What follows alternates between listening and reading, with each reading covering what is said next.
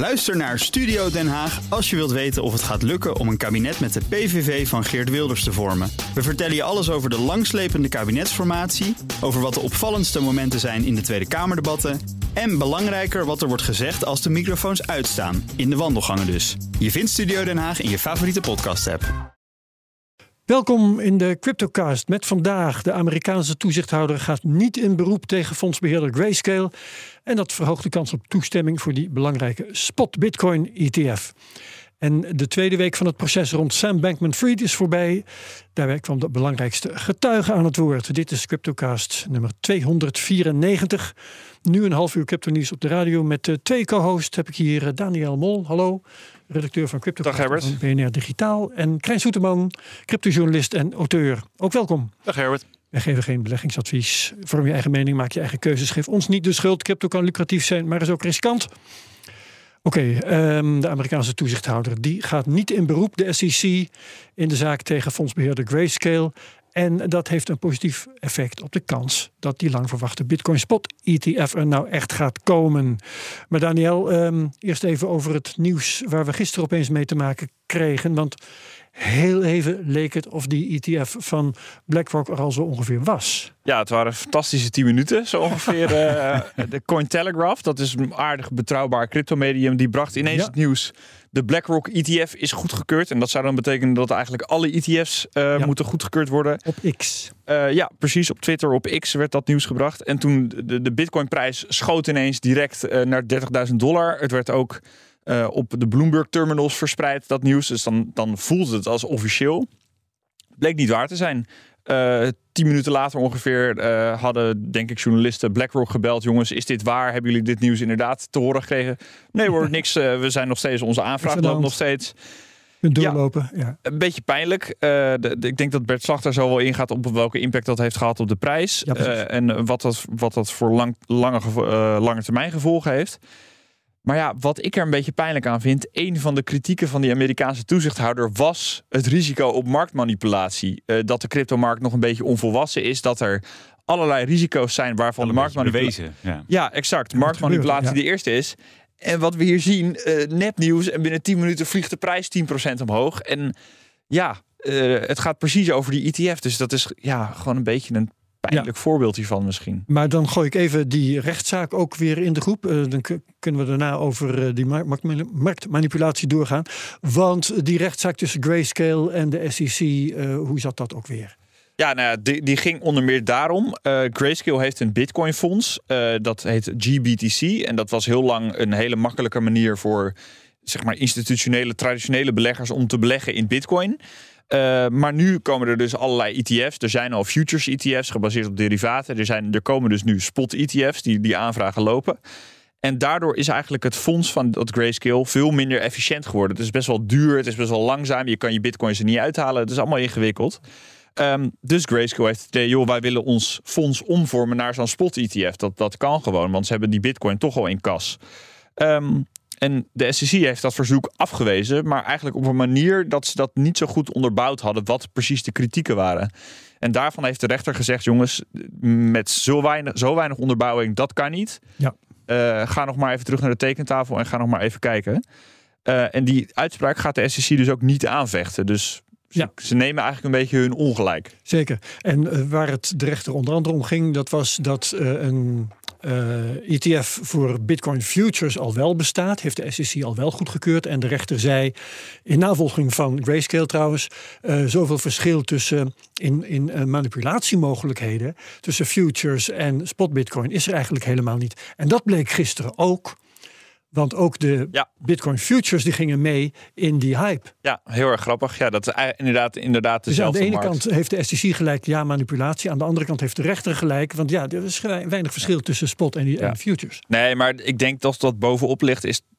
Cointelegraph is een aardig betrouwbaar tussen aanhalingstekens crypto medium. Van de, ik denk de, de, de grote twee, Coindesk en Cointelegraph, die zijn het meest betrouwbaar, zou ik willen zeggen. Uh, en die gaat daar toch echt falikante fout in. En dat is pijnlijk. Dat is zo duidelijk ja. als dat. Goed, maar um, wat staat de SEC nu te doen als het gaat om grayscale? Uh, nou, zij moeten dus eigenlijk die, die ETF opnieuw gaan beoordelen, de ETF-aanvraag. Uh, en dat wil dus niet zeggen dat. Oké, ze vechten niet aan, dus we krijgen een Bitcoin spot ETF van Grayscale. Ze mogen door. Nee, uh, de ETF moet, of de, de, de SEC moet opnieuw naar die aanvraag gaan kijken en moet nu goed onderbouwen wat er mis mee is, als er nog iets mis mee is. Ja. En wat we natuurlijk wel uh, kunnen stellen is dat de SEC toch een nederlaag heeft geleden, staan een beetje in hun hemd. Ja, en dat heeft misschien wel gevolgen. Ja, en Krijn, de kans dat die Bitcoin Spot ETF er komt, die uh, wordt nu als veel hoger ingeschat dan die uh, was voordat de SEC dat hoge beroep liet lopen. Ja. Um, ja, hoe werkt dat precies? Ja, dat, dat is natuurlijk dat een kwestie van tijd. Het kan sowieso nog meer dan een jaar duren, geloof ik. Ja, ze hebben een aantal deadlines en dan ja. uiteindelijk moet er een definitieve beslissing komen, maar dat is pas ergens begin of halverwege 2024. Ja, en het Hof zal nu in eerste instantie naar verwachting een mandaat uitvaardigen waarin staat hoe, ze de, hoe ze de beslissing uitgevoerd moet worden. Wat waarschijnlijk betekent dat de SEC, nou, wat je net al zegt, de opdracht krijgt de aanvraag opnieuw te bekijken. Ja, en andere vermogensbeheerders, ja, die hebben natuurlijk vergelijkbare aanvragen ingediend. En uh, voor een Bitcoin spot ETF. Ja. En um, ja, uiterlijk volgend jaar moet ergens een beslissing genomen worden over deze aanvragen. Ja, dan kunnen we niet trouwens direct noemen. data vinden trouwens hoor, dat je die uh, bij de hand. Mm, die zijn, Die zijn er, er wel. wel, maar die weet ik niet uit mijn hoofd. Ja, nee, weten we hier niet uit ons hoofd. Uh, maar Ark Invest van Katie Wood heeft een vernieuwde aanvraag ingediend. Uh, dat, en dat duidt op dialoog hè, tussen ja, dat, is, dat fonds precies, en ja, dat is SEC. dus echt wel veelzeggend. Uh, en dat is een, een manier waarop beleggingsproducten op weg naar goedkeuring worden behandeld. Dus de SEC gaat in gesprek met zo'n ARK Invest van die, van die Katie Wood, die ook een, een uh, aanvraag heeft ingediend. Um, en dan, dan krijg je dus een gesprek van, joh, hey, dit vinden we nog niet helemaal oké, okay, dit vinden we nog niet helemaal oké. Okay. Kunnen jullie die zorgen bij ons wegnemen? Ja. En dan zou je kunnen zeggen, het gaat de goede kant op. En dat zien de ETF-watchers van Bloomberg, dat is namelijk een vak. Uh, de ETF-watchers van Bloomberg zien dat ook, want die zeggen nu 90% kans dat hij er komt. Dus ja, krijg je nooit ongelijk, want als Ja, het misschien er kunnen- niet komt, was het die 10%. dat is waar, maar misschien kunnen we er dan eindelijk over ophouden. En dat hij er eindelijk straks weer komt, dat we eindelijk het nieuws kunnen brengen. Jongens, hij is er. Dat zou wel fijn zijn. Dan kunnen we weer naar andere dingen gaan kijken. Mooi. Goed moment om eh, te gaan praten met Bert Slachter, analist bij kennisplatform Bitcoin Alpha. Eh, De Amerikaanse toezichthouder. Eh, We gaan eerst eventjes een paar dagen terug naar vorige week. Die gaat niet in beroep in de zaak tegen Grayscale. Dat ging over de aanvraag voor een spot ETF voor Bitcoin. Ehm, Grayscale kreeg gelijk dat hun aanvraag niet zomaar afgewezen had mogen worden. Maar de koers reageerde daar amper op. Kun je dat verklaren? Ja, de, de, de rechter die vond de onderbouwing van de SEC onvoldoende. En noemde de afwijzing willekeurig en onvoorspelbaar. Daar was iedereen behoorlijk opgewonden een over. paar weken De hè? SEC moest terug naar de. Ja, ja, de SEC moest terug naar de tekentafel. En de verwachting was dat ze in hoger beroep zouden gaan om ja, dit eh, terug te draaien. Afgelopen vrijdag was de uiterste datum waarop ze in beroep konden gaan. Hebben ze niet gedaan. En nu is dan de vraag. Nu kan de SEC besluiten om die aanvraag op andere gronden af te wijzen. Ja. Of alsnog goed te keuren.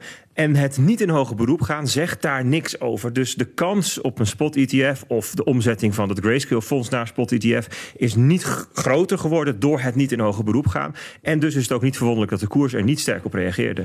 Ja, nou ja, goed. Als ze wel in hoger beroep eh, waren gegaan, dan eh, had het een stuk langer geduurd. Dus je kunt zeggen, dit bespoedigt eh, de afwikkeling. Maar blijkbaar dus vindt de markt dat niet van grote betekenis. Nee, klopt. Kijk, er is nu denk ik zo'n 90% waarschijnlijkheid dat die er gaat komen ingeprijsd. Ja. En die waarschijnlijkheid is niet omhoog gegaan. Alleen ehm, mogelijk gaat, gebeurt het nu sneller hè, of minder, gaat het minder lang, lang duren. Dat klopt. Oké, ehm, het grappige is, eh, maandag meldde Cointelegraph, eh, een nieuwssite over crypto, dat het al zover was dat de ETF van ehm, BlackRock er zou komen. Toen reageerde de koers heel heftig, 2000 dollar omhoog, procentje of 8. Ehm, bleek niet waar te zijn, maar betekent dit dat het is een soort experiment in de echte wereld dat dit is wat we kunnen verwachten als die ETF er echt doorkomt. Ja, het geeft inderdaad wel een aardig beeld van de eerste reactie van de markt. De aftrap werd gegeven door flitshandelaren die met algoritme de krantenkoppen in de gaten houden. Een hele snelle koersstijging en, en een combinatie dan met het bericht dat de ronde doet. Dat zorgt ervoor dat andere speculanten, gretige speculanten, meteen instappen. En voor je het weet schiet de koers omhoog. Ook nog wat liquidaties van handelaren die short waren. Ja. En nou ja, in dit geval kwam de koers tot 30.000 dollar. Ehm, dat is een leuke stijging, maar het is ook nog van weinig betekenis. Want pas bij koersen boven de 32.000 dollar breken uit het prijsbereik, waar we nu zeven maanden in zitten. En ja, gisteren kwam dat niet zo ver, want al snel werd duidelijk dat het inderdaad maar een gerucht was. Alles werd weer teruggedraaid en nu zijn we weer terug waar we begonnen. Ja, ja. nou is zo'n plotselinge koersstijging die we dus misschien nog een keer gaan zien, uh, een emotionele reactie van de markt. Iets anders is natuurlijk, wat gaat zo'n spot-ETF op de lange termijn doen? Hebben experts daar een mening over? Ja, zeker. Ja, voor, het, voor het effect op lange termijn moeten we inderdaad voorbij die speculanten kijken. En dan moet je gaan kijken naar wat gaat dit voor nieuwe vraag in de markt zorgen. Ehm, de verwachtingen daarover die lopen sterk uiteen hè, door, eh, tussen verschillende analisten. Er zijn mensen die denken dat het zelfs slecht is voor de koers. Hè, een sell the news event of dat er papieren bitcoins ja. op zouden komen. Er zijn mensen die zeggen dat het niet zo heel veel uitmaakt zo midden in de bearmarkt. Hè, dat het pas effect gaat hebben in een toekomstige boelmarkt. En er zijn mensen die meteen een enorme instroom van kapitaal verwachten. En die laatste categorie is wel leuk om daar een paar van te noemen. Um, Eric Balchunas, dat is de ETF-watcher bij Bloomberg, die vindt het realistisch dat een spot-ETF of de spot-ETF's voor zo'n 150 miljard dollar aan nieuw kapitaal zorgen. Um, Steven Schoenfield, voormalig uh, managing director bij BlackRock, verwacht 200 miljard dollar aan nieuw kapitaal. En Mark Yusko, CEO van hedgefond Morgan Creek, die verwacht zelfs 300 miljard dollar aan nieuw kapitaal. Maar dat is een beetje de bandbreedte, de omgeving waar dat soort um, experts of analisten aan zitten te denken. Ja, dat is natuurlijk wel heel significant. Ja, uh, maar zelfs met dat fake uh, nieuws over de ETF bleven we binnen de bandbreedte die jij al een tijd noemt, tussen de 25 en, en iets meer dan 30.000 dollar. Is er verder op de korte termijn nog iets te verwachten dat we daar uitraken? Nou, in deze van de fase van de marktcyclus gaat de koers in principe in beginsel zijwaarts. Hè. Vraag en aanbod zijn nu in, in balans. De mensen die erin zitten, die blijven erin. Nieuwe beleggers komen er nog nauwelijks bij. Dat komt pas weer als er nieuwe toepassingen zichtbaar worden en het enthousiasme terugkeert. En in deze fase, uh, we gaan zijwaarts, maar kan een externe schok wel voor beweging zorgen. En dat kan negatief of positief zijn. Hè. Nou, zo'n ETF zou dan positief zijn. Stel dat er iets geks gebeurt met Binance of er komt een nieuwe crackdown op crypto in de Verenigde Staten. Dat zou negatief zijn. Maar het is heel lastig om op zo'n externe schok te anticiperen. Dus uh, zie jij op korte termijn iets veranderen? Vraag ja, ik kan me best voorstellen dat we in de komende maanden uit dit prijsbereik breken. Maar waardoor, wanneer en welke kant op, zou ik niet durven zeggen. Oké, nou dat is mooi uh, om af te sluiten. Dankjewel Bert Slachter van het kennisplatform Bitcoin Alpha. Goed, uh, de tweede week in de grote rechtszaak tussen de Amerikaanse staat en FTX-oprichter Sam Bankman-Fried zit er alweer op. Belangrijkste vraag is nu, gaat Sam Bankman-Fried zelf ook getuigen? Uh, maar eerst even naar de afgelopen week kijken. Daniel, wat is jou het beste bijgebleven? Ja, we hebben de, de kroongetuigen aan het woord gehad. Uh, dan heb ik het over Carolyn Ellison. Dat is, was eigenlijk de, de ja. partner, letterlijk de partner af en toe van Sam ja. Bankman-Fried, maar ook de partner in crime, zou ik willen zeggen. Nipperlichte relatie wordt het wel genoemd. Hier. Ja, daar, daar, gaan we misschien niet te veel op in, maar dat, inderdaad, ja. ja. En uh, ik denk dat we kunnen spreken van de meest spectaculaire aflevering van deze soap tot nu toe. Um, Caroline Ellison heeft verteld dat bijvoorbeeld uh, SBF betrokken was bij het omkopen van functionarissen van de Chinese Communistische Partij. Er zou een noodlening zijn aangevraagd uh, aan kroonprins Mohammed bin Salman van Saudi-Arabië om FTX uh, een handje te helpen. En uiteraard, Caroline Ellison die gooit SBF, Sam Bankman-Fried, vol voor de bus. En die zegt van, joh, die was eigenlijk overal op ieder vlak op de hoogte van wat er misging binnen FTX. Het is eigenlijk hij negeerde alle rode vlaggen die hij zag. Er, er ja. was geen geld, dat wist hij. En toch gingen ze door met waar ze mee bezig waren. Ja, ja uh, Caroline Ellison uh, maakt ook niet de indruk dat zij zelf heel sterk in de schoenen stond, hè? Nee, het, dat is sowieso een beetje een apart meisje. Dat heeft uh, Sam Bankman-Fried ook wel willen neerzetten. Die heeft een, een, dagboek met allerlei gekke uitspraken gelekt aan een journalist. Uh, toen hij nog op borgtocht was, daar moest hij weer dan de gevangenis voor in. nou goed, het is een aparte vrouw en... Uh, ook tegen haar waren allerlei dingen geëist, maar dat gaat niet helemaal door. Dat, uh, ja. Ja, maar overigens, uh, zij staat dus hem te beschuldigen nu in feite. Dat, ja. dat is ook haar rol, want ze is getuige voor de aanklager.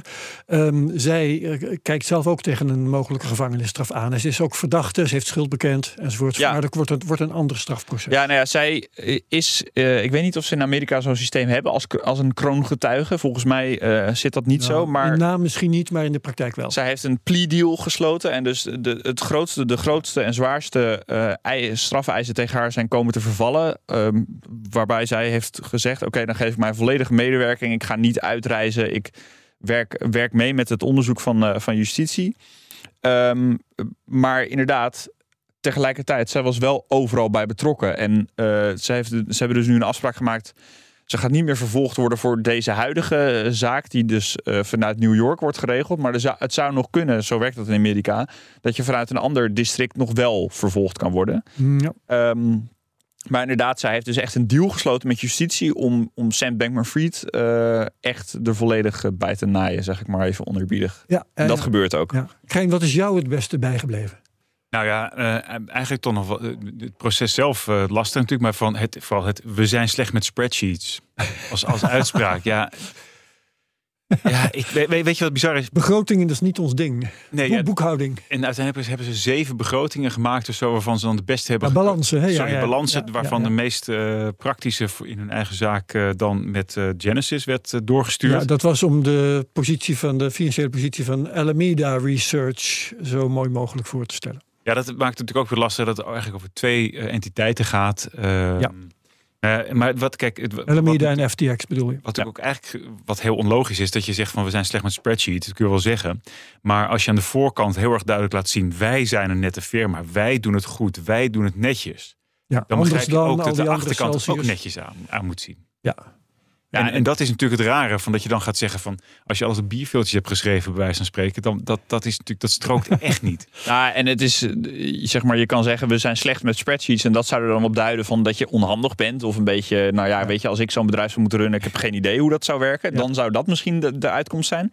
Een milde tekortkoming. Als je zeven alternatieve spreadsheets hebt die de realiteit op een net iets andere manier weergeven. En dat je dan de beste kiest die op dat moment even uitkomt. De, waar dan miljarden aan schuld ontbreken, bijvoorbeeld. Uh, ja, omdat uh, de, de activa van Alameda waren van 21,1 miljard naar 16,5 miljard gedaald. En dan netto vermogenswaarde bleef hetzelfde. Het waren 6,2 miljard.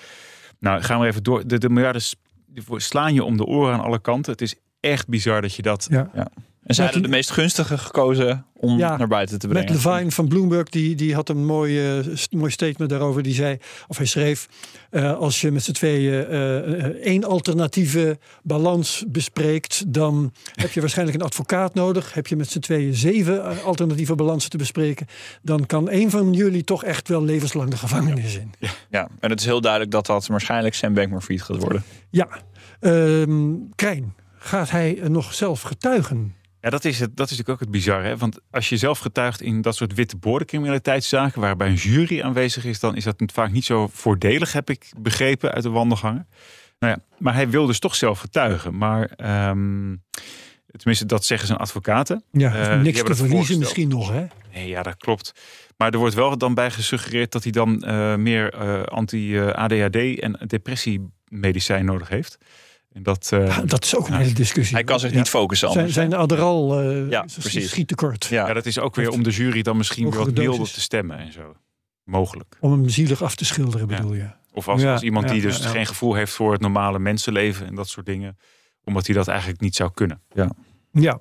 Hoe heeft de verdediging gereageerd op de beschuldigingen van Caroline Ellison? Nou, hij, wilde, hij wilde de geloofwaardigheid van die Ellison in twijfel trekken. En dat heeft hij natuurlijk al geprobeerd met uh, haar dagboek te lekken naar volgens mij de New York Times was ja, dat. dat was uh, en daar is hij dus uh, de bak voor ingegaan voor witness tampering. Dus het, het, het, be het bewerken van een getuige. Um, maar hij doet eigenlijk of zij gek is. en misschien is ze wel een beetje gek. Dat kunnen we misschien ook wel vaststellen hier. en zij heeft vast ook wel dingen gedaan die eigenlijk niet door de beugel konden. Maar het lijkt erop, en helemaal als je de Amerikaanse media afgaat, van de New York Times tot, tot de wat minder uh, credible uh, nieuwsmedia, dan komen zij eigenlijk allemaal tot de conclusie: ja, dit is gewoon een, een onzinverhaal om haar in, in een uh, kwaad daglicht te stellen. Ja. En eigenlijk gaat, dit, gaat deze verdediging niet werken, want Caroline Ellison zegt vreselijke dingen over hem. Maar het klopt allemaal wel, waarschijnlijk. Ja. Of voor een deel. Ja, Ja, dus dat, ja. Dan kunnen we ook nog eventjes uh, snel twee boeken bespreken. Het uh, CryptoCast boekenhoekje. Ja, gezellig. ja, leuk. Um, ja, ik, uh, ik heb zelf twee boeken erbij gepakt. Michael ja. Lewis eh, heeft Sam Bankman-Fried een hele tijd lang gevolgd. Ja, dat is de schrijver van die, eh, die heeft ook The Big Short geschreven. Ja. Waar Michael Burry, dat is een investeerder die de huizencrisis of financiële crisis van 2008 min of meer voorspelde. Dat is zijn grote doorbraak geweest. En dit boek heet eh, Going Infinite. En die, ja, hij was Sam Bankman-Fried al aan het volgen toen de hele shitzooi losbarstte. Dus ja, dat is uh, gevoelensfressend. Ontzettend eh, veel geluk heeft hij gehad. Ja, maar wat schrijft hij? Hij, eh, hij zet Sam Bankman-Fried eigenlijk neer als een zonderling. Eh, hij kom, Sam, eh, SBF komt nogal gestoord over. Sociaal volledig eh, gemankeerd. Ehm, zit altijd te gamen als hij met mensen in bespreking is. Let helemaal nergens op. Is eigenlijk in het functioneren van zijn eigen bedrijf niet geïnteresseerd. Niet in boekhouding. is altijd er vandoor. Niemand weet zijn agenda. Niemand weet waar die uithangt. Eh, en verwaarloost de boel schromelijk. Eigenlijk En dat bizar is- dat mensen dan zo iemand überhaupt nog geloven. Hè? Dat, dat is het. Ja, nou, dat is. Dat is eh, eh, maar ze moesten wel, want hij was de baas. Ja, en in groot 2021 en daarvoor verdienen, eh, was er natuurlijk geld te verdienen. Dus ook de grote hedge funds die daar het schip in zijn gegaan met FTX. En dat deed hij in eerste Ja. instantie heel erg goed. Dus ja, Ja. het gelijk van de winnaar had hij vooralsnog aan zijn zijde. Maar Herbert, herken ik hier een beetje de lijn van zijn verdediging in? Want hij die Ja, zet want- hem ook een beetje zo neer als. Nou, de, de verdediging is, ehm, het is. Het was maar een nerd en hij was er niet zo goed in.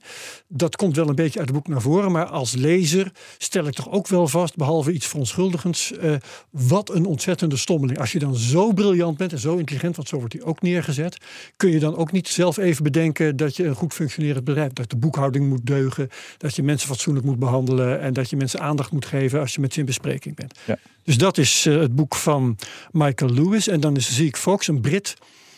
Eh, die heeft de hele wereld rondgereisd om allerlei crypto-scams te onderzoeken. En dan moet ik eerlijk zeggen, ik hou het vak wel een beetje bij. Maar zoveel scams, ja, ik was het bijna vergeten. En ze worden allemaal goed uitgezocht. Ehm, je valt toch ook wel weer van de ene verbazing in de andere. En ehm, de veronderstelling van het boek is ja, het gemakzuchtige, wat wij ook veel horen. Ja, crypto is allemaal criminaliteit. Maar als je het zo eh, leest, dan ga je wel afvragen... waar waren ook weer de bona fide toepassingen van crypto? Zo'n boek is het wel. Ehm, en verder, ik moet je ook even confronteren met de eerste zin van dit boek. Eh, ik ga niet tegen je liegen, zei Sam Bankman-Fried tegen me. Dat was een leugen. Dat zet helemaal de sfeer neer. En eh, nou, dat is, het is dus een anti-crypto boek, maar wel heel goed uitgezocht. Heel goed geresearched en echt de moeite van het lezen waard. Ik heb daar ook echt wel eh, van genoten. Right, dan moeten we het nog even hebben over. En trouwens, we gaan het hier nog in een, eh, een podcastdeel uitvoeriger over hebben hè, in de nabije toekomst. Dus dat kan de luisteraar te- ook tegemoet zien. Ehm, de podcast, waar gaan we het over hebben? Daniel, jij, weet- jij weet er het meeste van. Ja, we gaan het over Glow Dollar hebben. En dat is een, een Nederlands, Nederlands-Amerikaans project voor een stablecoin. En dat is gelijk heel ambitieus. Ehm, vooral, er zijn twee grote stablecoins, de Tether en de USDC. Dat zijn gigantische bedrijven, tientallen miljarden op de bank. En ik ben heel benieuwd, hoe ga je dat aanpakken? Hoe ga je marktaandeel veroveren? Zij hebben daar een idee, eh, idee bij en Ja. ik ben heel benieuwd. Hebben we een, crypto, een, eh, een stablecoin nodig in Nederland? Krijn? In Nederland, dat denk ik niet. Nog niet. Misschien eh, dat hij toch zijn plek eh, gaat vinden. En tot zover de CryptoCast op BNR. Dank Daniel Mol, dank Krijn Soeterman. Wie meegaat naar die podcast heel graag. Anders heel graag tot de volgende week bij de CryptoCast op BNR. Dag allemaal. Bij BNR ben je altijd als eerste op de hoogte van het laatste nieuws. Luister dagelijks live via internet. Bas van Werven. En heel langzaam komt de zon op rond dit tijdstip. Je krijgt inzicht in de dag die komt op BNR, het Binnenhof in Nederland en de rest van de wereld. De Ochtendspits. Voor de beste start van je werkdag. Blijf scherp en mis niets.